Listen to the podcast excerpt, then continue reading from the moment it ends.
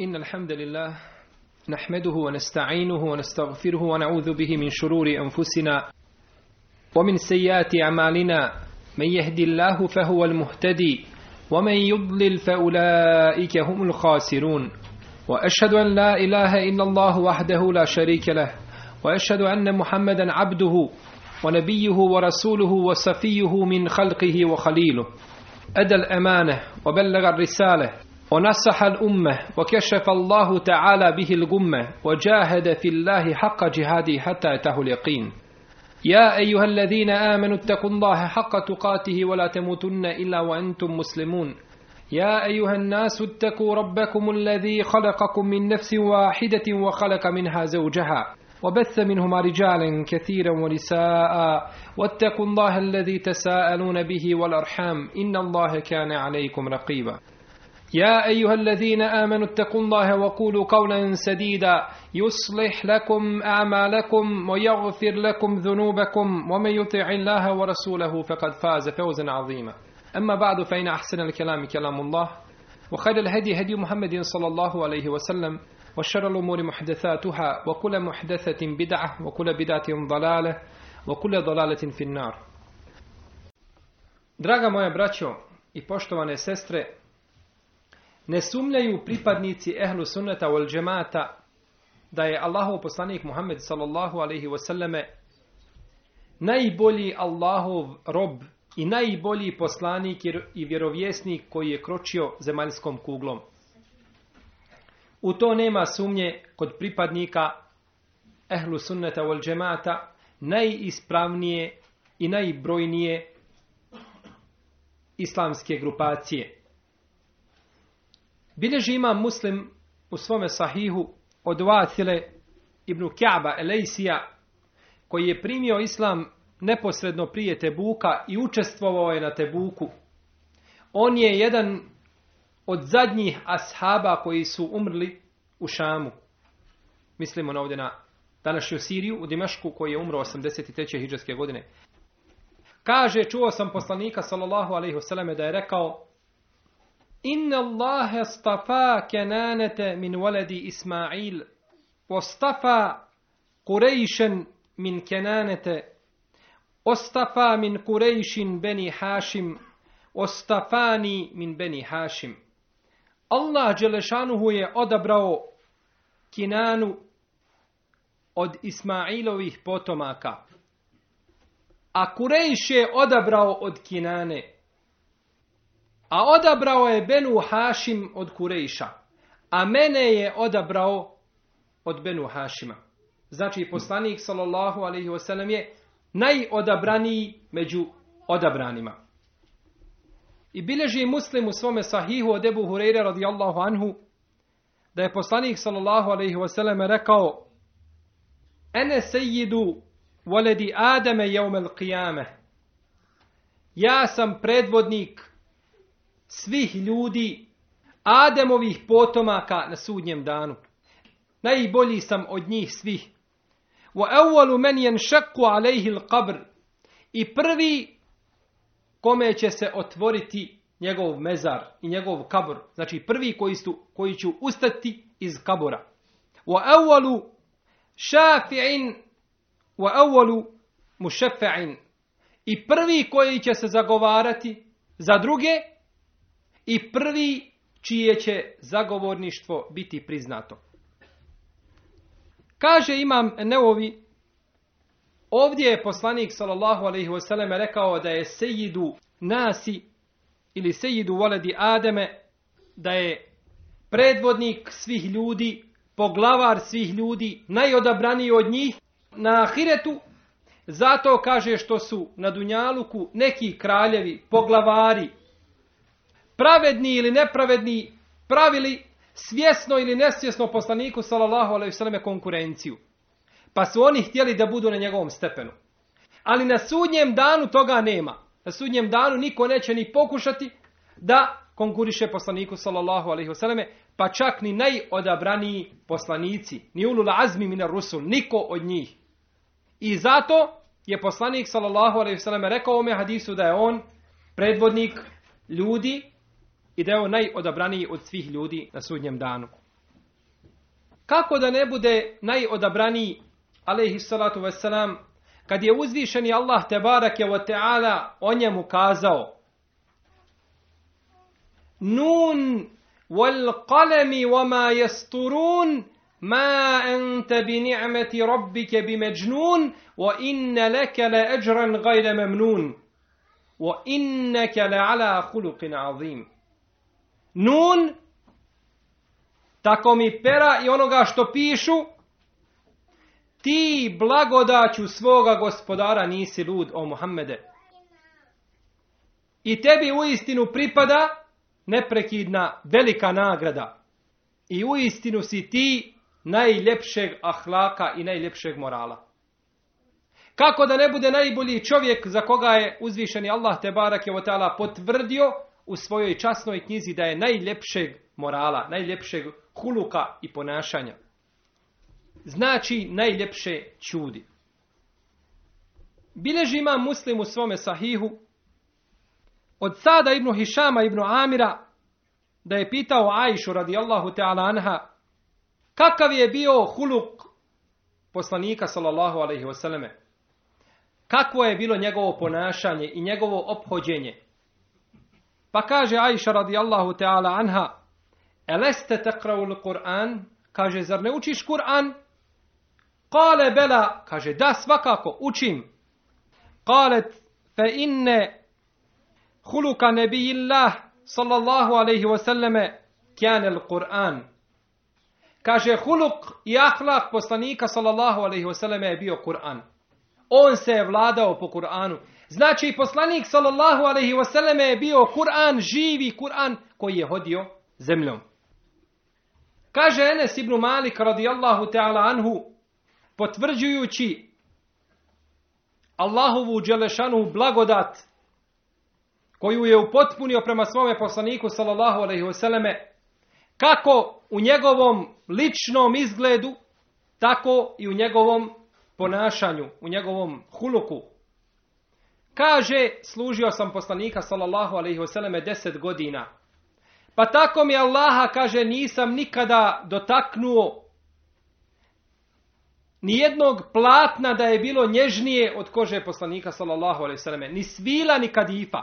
Ništa nije bilo nježnije od kože poslanika sallallahu alejhi ve alihi ve kazali smo draga moja braćo da je uzvišeni Allah te barek ve taala počastio poslanika sallallahu alejhi ve selleme brojnim mucizama brojnim nadnaravnim sposobnostima koje su specifične isključivo poslanicima i vjerovjesnicima nisu običnim ljudima.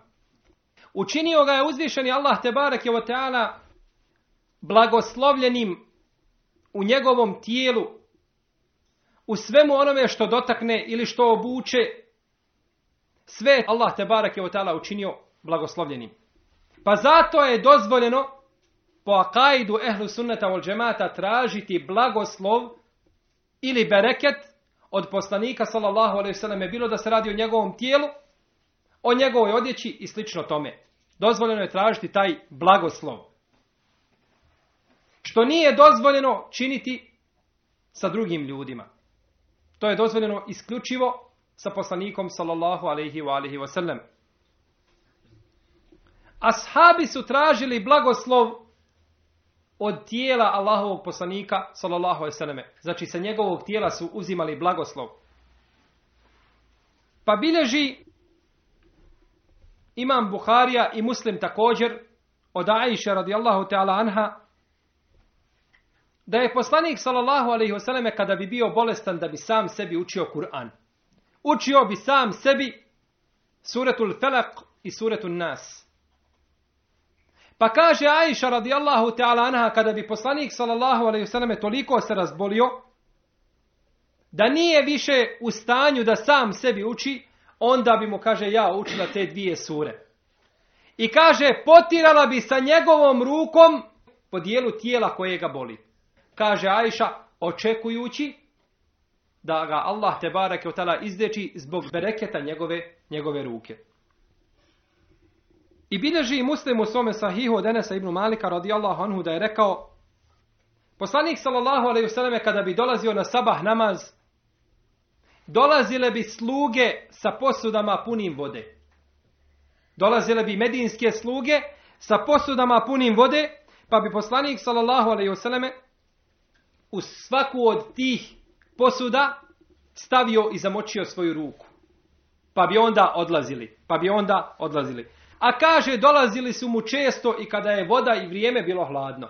Pa bi poslanik sallallahu alejhi ve selleme i pored toga zamočio svoju ruku, svoju mubarek ruku u vodu. Pa bi ljudi tu vodu pili, pa bi se sa njom kupali i tako dalje, sve zbog bereketa.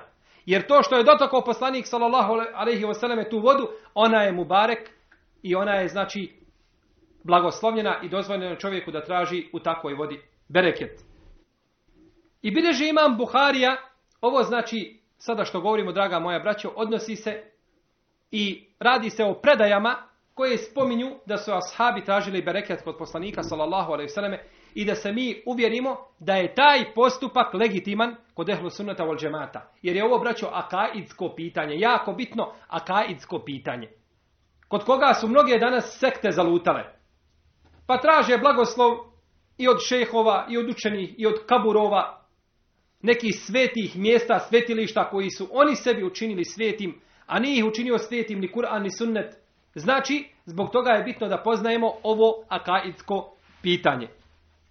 Pa bideži imam Buharija u svome sahihu od Ebu Džuhajfe, od Wahba ibn Abdullaha, Esuvaija, da je rekao, izišao je poslanik sallallahu alaihi wasallame jednoga dana oko podne na put, klanjao je podne i kindiju po dva rekiata, pa su ljudi, kaže, počeli da dodiruju tijelo poslanika sallallahu alejhi ve selleme da uzimaju njegove ruke i da stavljaju njegove ruke na svoje tijelo. Kaže Ebu Džuhajfe, pa sam uzeo ruku poslanika sallallahu alejhi ve selleme i stavio sam je, kaže, na svoj obraz. Bila je, kaže, hladnija nego snijeg, nego led. A kaže, bila je ljepšeg mirisa od miska. Ljepše je mirisala od miska ruka poslanika sallallahu alaihi wa alihi wasallam. I brojne su predaje, brojne su predaje koje ukazuju da su ashabi ljubili tijelo poslanika sallallahu alaihi wasallam ili njegove, ili njegove ruke. Pa bilježi imam Ebu Davud u svome sunenu imam El Hakim u svome mustedreku sa ispravnim lancem prenosilaca od Usejda ibn Hudajra ashaba koji se volio puno šaliti. Volio je puno šalu. Kaže jednoga dana smo izišli u bitku pa je poslanik sallallahu alejhi ve selleme poredao ashabe u redove. Pa je govoreći im o bitci ovoga ashaba dotakao sa jednim, sa štapom u njegov stomak. Pa je kazao ovaj ashab, asbirni ja Rasulallah, kaže, dozvoli mi da ti se osvetim o Allahov poslaniče. Pa kaže Allahov poslanik sallallahu alaihi wasallam, istabir, osveti se, kaže. Sada smo živi, možda nakon bitke ni jedan neće biti živ. Pa osveti se. Da poravnamo naše dunjalučke račune prije nego što to Allah te bareke utala bude poravnavao. Pa mu je kazao ovaj ashab, jeste o Allahov poslaniće. Ja ću se tebi osvetiti, ali kaže ti imaš košulju. A ja nisam imao košulje. Pa osveta ne bi bila pravedna. Nego zavrni ti, kaže, svoju košulju. Zadigni ti svoju košulju, da ja tebi vratim onako kako si ti mene udario u moju kožu. Pa je poslanik sallallahu alejhi ve selleme zadigao svoju košulju. Pa je ovaj Asa prišao i počeo ljubiti stomak poslanika sallallahu alejhi ve selleme. Počeo ljubiti stomak, pa mu kaže Allahov poslanik: "Šta ti je o Allahov robe?" Kaže: "Ovo sam htio o Allahov poslaniče. Ovo sam htio. Nisam ja se htio tebi osvetiti, nego sam kaže ovo htio. Htio sam da zadnje ono što ću dotaći bude tvoja koža, o Allahov poslaniče. Jer je očekivao da će preseliti u žihadu na Allahom te barake o tala putu. Pa vidimo znači da su ashabi i prije šehadeta znali da je velika stvar da dotaknu tijelo, mubarek tijelo Allahovog poslanika sallallahu alaihi wa alihi wa sallam. Ovo je znači teberruk koji je vezan za tijelo poslanika sallallahu alaihi wa alihi wa sallam. No međutim, braćo, teberruk se može činiti od onoga što nije vezano direktno za tijelo. Ili što je bilo dio tijela pa otišlo od tijela. Kao kosa, na primjer. Pa bileži imam muslim od Enesa ibn Malika radijallahu anhu. Kaže, došao je poslanik sallallahu alaihi vseleme na minu. pa je bacio kamenčiće, otišao u mjesto, znači tamo gdje je boravio na mini, zaklao je kurban, prinio žrtvu, potom je, kaže, došao kod čovjeka koji je kratio kosu ashabima. Pa je rekao, uzmi sa moje desne i sa lijeve strane, znači da mu skrati njegovu kosu, sallallahu alaihi sallam, kaže pa je uzeo tu kosu Allahov poslanik i dijelio je ljudima. I dijelio je ljudima. Ovo je najjasniji argument da je poslanik, sallallahu alaihi sallam, odobrio eteberruk. Da se traži blagoslov od njega, alaihi salatu wasalam. U predaji drugoj koju također bilježi ima muslim u svome sahihu, Kaže Enes ibn Malik radijallahu anhu, vidio sam, kaže, da ljudi hodaju oko poslanika, sallallahu alaihi sallam, dok je taj ashab šišao, i kaže, ne dozvoljavaju da jedna dlaka padne na zemlju. Svoje su ruke, kaže, stavili ispod i samo čekaju, kaže, da koja dlaka padne da je uzme, da je uzme sebi. Znači da bi činili blagoslov i tražili od Allaha te bareke o ta'ala bereket sa kosom poslanika, sallallahu alaihi wa alihi wasallam. Također, ono što se odvojilo od tijela poslanika sallallahu alejhi ve selleme jeste njegova pljuvačka. Bilježe Buharija i Muslim od Esme kćerke Ebu Bekra radijallahu ta'ala anhuma da je izišla u Medinu hijđru činila znači a bila je trudna sa Abdullahom Abdullahom ibn Zubeirom pa sam kaže došla u Kuba pa sam rodila mjesto znači gdje se nalazi onaj mesčid Pa sam, kaže, rodila Abdullaha. I Abdullah je bio prvo novorođenče koje se rodilo u Medini. Kaže, pa sam sa njim došla poslaniku, sallallahu alaihi wasallame, pa je uzeo Allahov vjerovjesnik, alaihi salatu wasalam, jednu datulu, koju je sažvakao, potom je onako sažvakanu, trpao u njegova usta. Znači, u usta tog novorođenčka. Tako da je bilo prvo što je ušlo u njegova usta, pljuvačka Allahov poslanika, sallallahu alaihi wa alihi wasallam. Bileži imam Buharija u svome sahihu od Urve ibn Mas'uda, da je on opisao ashabe poslanika, sallallahu alaihi wasallam, narednim riječima. Kaže, tako mi Allaha. Nisam nikada vidio da neko voli nekoga kao što pristalice Muhammeda vole Muhammeda. Kao što ashabi vole poslanika sallallahu alaihi wasallam. Niti kaže predvodnici Rimljana i Bizantijaca ne vole ih njihovi sljedbenici kao što vole ovi ljudi Muhammeda. Kaže, kada bi god pljunuo Muhammed sallallahu alaihi wasallam, kaže oni bi hvatali tu pljuvačku i mazali je po svome tijelu. Ovo su, draga moja braćo, ashabi činili u prisustvu Urvata ibn Mes'uda, jer je on došao tada i rekao poslaniku, sallallahu alaihi vseleme, kaže, ti o Muhammede imaš oko sebe ljude koji su prave kukavice. Ako iziđeš na bojno polje, oni će te, kaže, ostaviti. Oni će te napustiti. Ostavit će tebe sama da se braniš i da se boriš. Pa je kazao Ebu Bekr, radijallahu ta'ala anhu, kada je čuo ove riječi, kaže, Umsus balvelat, enahnu nahnu ne firru, o da, kaže, idi i liži svoga kipa. Ovdje je Ebu Bekr, radijallahu ta'ala anhu kazao jako grube riječi o ome mušriku, da ide i da liže imenova je šta će lizati od svoga kipa. Zar ćemo mi, kaže, pobjeći i ostaviti poslanika sallallahu alaihi wasallam, Pa mi ne dozvoljavamo da njegova pljuvačka ostane na zemlji, sebi je uzimamo. A da dozvolimo da se njegova krv prolije i da bude ubijen, a da mi pobjegnemo, idi, kaže, i liži svoga kipa kome se klanjaš. Ti ćeš možda pobjeći od svoga kipa, hoćemo kazati Ebu Bekr. Ali mi nećemo nikada pobjeći i ostaviti poslanika, sallallahu alaihi wa alihi wasallam. Također, draga moja braća, od stvari koje su se odvojile od tijela poslanika, sallallahu alaihi wasallam, a bile su sastavni dio tijela, jeste i znoj. Tražili su ashabi također bereket poslanika sallallahu alaihi selleme u njegovom znoju. Pa bideži ima muslim opet od Enesa ibn Malika radijallahu anhu Kaže da je jedne prilike, dok je poslanik sallallahu alaihi wasallam spavao, došla u Musulejm. Pa je uzela jednu gazu i počela presušivati sno, znoj poslanika sallallahu alaihi wasallam sa njegovog tijela, dok je spavao. U tom momentu Allahov poslanik sallallahu alejhi ve sellem se trgnuo iz sna i upitao je šta to činiš o Musulej? Šta te navelo da činiš to što činiš? Kaže o Allahov poslaniće, ona je uzimala sa jednom krpom taj znoj i cijedila ga u jednu posudu.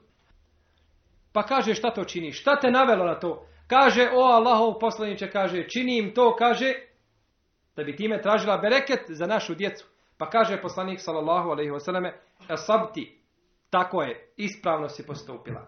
Ispravno si postupila. Znači, odobrio je poslanik, sallallahu alaihi selleme ovim svojim gestom njen čin. Također je dozvoljeno tražiti bereket i blagoslov od onoga što je poslanik, sallallahu alejhi ve selleme obukao. Bilo kada, jedan put bar da je to obukao.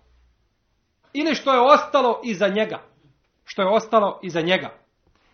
Pa bilježi imam Buharija od Sehla ibn Sada, kaže, Došla je, kaže, jedna žena i poklonila poslaniku, sallallahu alaihi wasallam, jedan lijep ogrtač. Pa kada ga je poslanik, sallallahu alaihi wasallam, obukao, vidjelo se zadovoljstvo na njegovom licu i radost zbog tog ogrtača. Jer nije imao drugog, alaihi salatu wasalam.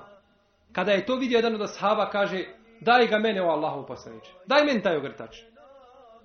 Pa je poslanik, sallallahu alaihi wasallam, skinuo, kaže, dobro, i dao mu taj ogrtač. Pa je poslanik sallallahu alejhi ve otišao. Kada se poslanik sallallahu alejhi ve selleme udaljio, kazali su ashabi ovome ashabu, kaže ružno si postupio. Jako si ružno postupio kada si tražio taj ogrtač od poslanika sallallahu alejhi ve selleme, a vidio si da mu se taj ogrtač dopada. Pa je kazao ovaj ashab, tako mi Allaha kaže, ja sam ga tražio od poslanika sallallahu alejhi ve selleme očekujući bereket i blagoslov od tog ogrtača. Ne bi li, kaže Allah Đelšanu, dao da se ja umotam u kefine u njega. Da taj ogrtač bude sa mnom u kaboru. Samo ga poslanik sallallahu alejhi ve sellem na tren obukao i odma nakon toga postaje postaje mu barek. Postaje mu barek i može se tražiti bereket od takvog ogrtača. I prenosi se u brojnim hadisima, prvenstveno kod Buharije i kod Muslima, da je Umu Atije, radijallahu ta'ala anha, ona sahabika koja je bila najučenija i najbolje poznavala propise kupanja mrtvaca i kupala je mrtve ashabike, kako se to navodi u knjigama povijesti, da je uzela, odnosno poslanik sallallahu alejhi ve sellem joj je dao svoj ogrtač da u njega ogrne jednu od njegovih kćerki. Također je dozvoljeno braćo tražiti bereket i blagoslov u onome što je poslanik sallallahu alejhi ve sellem dotaknuo. Pa bideži ima muslim u svome sahihu od debu Ejuba Elensarija da je pravio hranu poslaniku sallallahu alejhi ve selleme. Pa bi mu vratili od hrane ono što ostane. Kada bi mu vratili tu hranu, upitao bi sa koje je strane jeo Allahov poslanik. Odakle je to poslanik sallallahu alejhi ve selleme uzimao sa svojim mubarek prstima hranu? Pa kada bi mu kazali sa te iste strane, on bi nastavio da jede sa iste, sa iste strane. Odakle je jeo Allahov poslanik sallallahu alejhi ve selleme tražeći u tome bereket i tražeći u tome blagoslov. Također je dozvoljeno tražiti blagoslov braća u onome što ostane iza poslanika sallallahu alejhi ve selleme kao voda koju je pio na primjer. Pa bilježe opet Buharija i Muslim od Sehla ibn Sada Esaidija da je poslanik sallallahu alejhi ve selleme jednog dana dobio jednu posudu u kojoj je bilo neko piće. Da li je bilo mlijeko ili nešto drugo, ne znamo, nije spomenuto u hadisu. U svakom slučaju, poslanik sallallahu alejhi ve selleme se napio, a sa njegove desne strane je bio jedan dječak. A sa lijeve strane su sve bili stariji ashabi. Ovdje se navodi da su bili a, ešijah, da su to bili već ljudi u poznijim godinama. Pa je upitao ovoga dječaka sa desne strane, kaže, hoćeš li mi dozvoliti da ponudim ove ashabe starije sa lijeve strane prije tebe. Jer on ima pravo, on je na desnoj strani. Ne gleda se koliko ima ko godina. Čovjek kad dolazi u jedno mjesto, sela mi se sa desne strane, taman na desnoj strani bila i djeca. To nema veze. Počinje sa desne strane. Pa kaže, hoćeš li mi dozvoliti da ponudim prije tebe ove starije? Pa je kazao, ne nikako. Tako mi Allaha nikada nikome neću dati svoj udio koji mi pripada od tebe, o Allahu poslaniče. Da se radilo o Dunjaluku, daću im, ne smeta. Ali ovdje kada se radi o blagoslovu i bereketu i da budem ja taj prvi koji ću piti za poslanika sallallahu alejhi ve selleme i sa istog mjesta sa koga je pio, neću dozvoliti kaže nikome. Pa je poslanik sallallahu alejhi ve selleme dao njemu tu posudu, pa je bio prvi koji je pio iza Allahov poslanika sallallahu alejhi ve sellem. Ovo nam braćo također ukazuje koliko su djeca od ashaba poznavala fik i akidu prije toga. Akidu su poznavala. Znali su da je u tome blagoslov i beričet. Ispravna akida. A braćo, to je temelj svega. Danas je problem kod muslimana što nemaju akaida. To je problem. Uzelo se nešto malo od akaida, a ostavilo se puno toga. Danas imate muslimana koji smatraju da je sav akaid da vjeruješ da je Allah iznad arša. I da je to sav akaid, nema ništa više pored toga. To jeste jedan dio akaida. Jedan mali dio. Akaid je da čovjek poznaje Allahove tebarake o granice, da se njih pridržava. I takav akaid, to je primjena akaida. Jer kad čovjek zna da je uzvišeni Allah tebarake o taj koji je svemoćan, da je on taj koji je poslao poslanika sallallahu alaihi sallam, može li biti onda nepokoran Allahu tebarake o i poslaniku? Alaihi sallatu wasalam, ne može. Ako je nepokoran, njegova kaid nije ispravan. Ili u najmanju ruku ima krnjavost, ima mahanu, koja ga dovodi do stepena da čini velike ili male grijehe i tako dalje. Neispravan akaid. E to je ono, braćo, što danas muslimani moraju iz početka, jedan veliki dio muslimana, možemo kazati većina, ponovo graditi. Ispravan i čist akaid. Kur'ansko-sunnetski akaid, onakav kakav je bio kod naših prethodnika, poput ashaba, poput avina i oni koji su ih slijedili u tome. Također je dozvoljeno, braćo, tražiti blagoslov od onoga što je ostalo iza poslanika sallallahu alejhi ve selleme dok je uzimao abdest. Pa bileže Buharija i Muslim od Ebu Džuhajfe od Wahba ibn Abdullaha Esuvaija kaže izišao je poslanik sallallahu alejhi ve selleme jednog dana popodne abdestio se pa su ljudi kaže uzimali vodu koja je ostajala ili koja je ostala iz abdesta i mazali je po svome tijelu. Kaže Hafiz ibn Hajar, rahimehullahu ta'ala, ovdje kaže postoje dvije mogućnosti.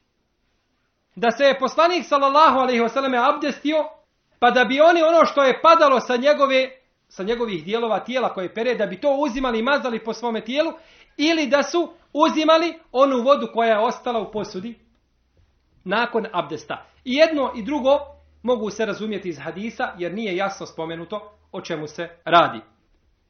I prenosi se u jednom hadisu da poslanik sallallahu alejhi ve selleme dok bi uzimao abdest da bi ashabi čekali šta će kanuti na zemlju. Kaže tako da ni jedna kap nije padala na zemlju prije nego što je oni, prije nego što je oni dočekaju svoje ruke. I bileže Buharija i Muslim od Ebu Musa el-Ešarija radijallahu anhu Kaže da je poslanik sallallahu alejhi ve selleme jednog dana zatražio jednu posudu sa vodom. Kaže pa je uzeo oprao svoje ruke u toj posudi i kaže potom medže fihi. Medže fihi u arapskom jeziku medže je kada čovjek stavi vodu u usta i onda je špricne na polje. Pa je tako poslanik sallallahu alejhi ve selleme znači izaprao svoja usta i ponovo a špricnuo tu vodu, znači isplivao je nazad u tu posudu. Pa je kazao Ebu Musau Elešariju i Bilalu radijallahu anhuma, kaže uzmite ovo, pospite po svojim glavama i pijte i radujte se.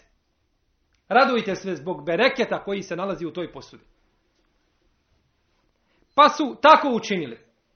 Kada su to učinili, čuli su glas Umu Seleme majke vjernika, žene poslanika sallallahu alejhi ve selleme da iza zastora viče kaže ostavite nešto i za vašu majku.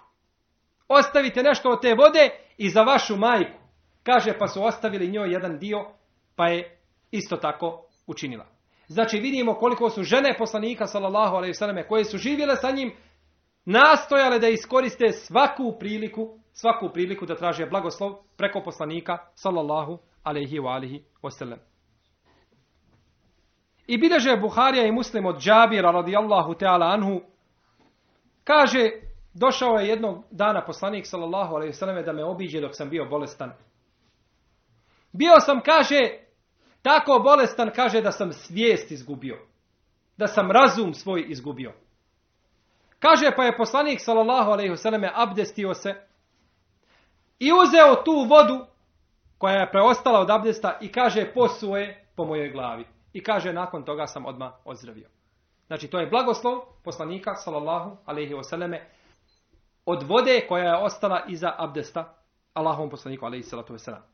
Dakle, draga moja braćo, ove predaje koje smo spomenuli, ovo je samo jedan dio predaja, nemoguće je da pobrojimo sve hadise koji govore o ovoj temi, no međutim, htjeli smo iz ovih najvjerodostojnijih hadijskih zbirki i svih hadisi koji smo spomenuli su kod Buharije i muslima ili jednog od njih dvojice, osim hadisa koga je zabilježio Ebu Dawud i Hakim, koga smo naveli.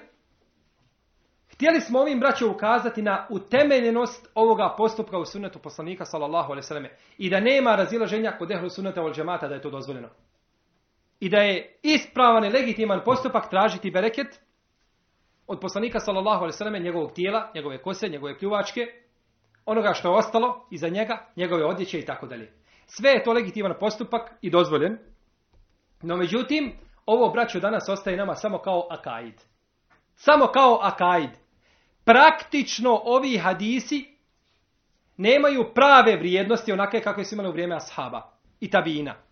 Kod nas toga više nema. Jer ništa više nije ostalo od poslanika sallallahu alaihi sallam od njegovog tijela, od njegove odjeće, njegovog posuđa, ništa, ništa nije ostalo što se može sa sigurnošću pripisati poslaniku sallallahu alejhi ve selleme. Tako da znači prekida, ovi hadisi prekidaju u svojoj praksi.